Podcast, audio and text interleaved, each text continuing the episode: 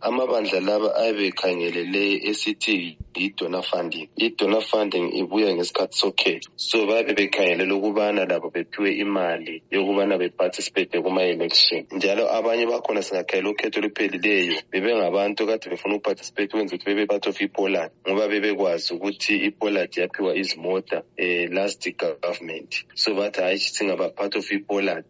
lathi siyakwanisa ukuthola izimota so injongo ngeyokuthi bengasutha njani bengadla njani asonjongo yokumuva ilizwe lisiya phambili njalo labo nxa besiya kukhetho mm, abakhangeleleli ukuthi bewine bakhona nje ukuthi besighugumise izikhwama zabo kuphela ye kodwa kulabanye abathi okunye kwenza bengakwenzi khonokho besabe badlala ezanupheko lokucuka okunye okumangalisayo njalo lincindezela uzulu so babe besesaba phela bathi ha ah, lapha kulobuzima njalo balamali hayi kuqakathekile ukuthi akula muntu esaba ibandla ungalesaba njani after election ngesikhathi siqakathekile se-election ungalesabi usiyacontesta um nje siyakwazi ukuthi bona bathi kuthiwa olebhora ngoma kwayo izanu phefe ngatsho nihlupho kungamabandla okuncane lokhu ukuthi kube njani fina siyakufuna sibili ukuthi kube khona ukwenzela ukuthi um kube ledemokhrasi akula nto ebangayesaba nje um kubandla lezanu p f njalo abakwenzayo okungafuna imali kuyini after election okungafuna imali kuyenzakala during election after election kumele kuphela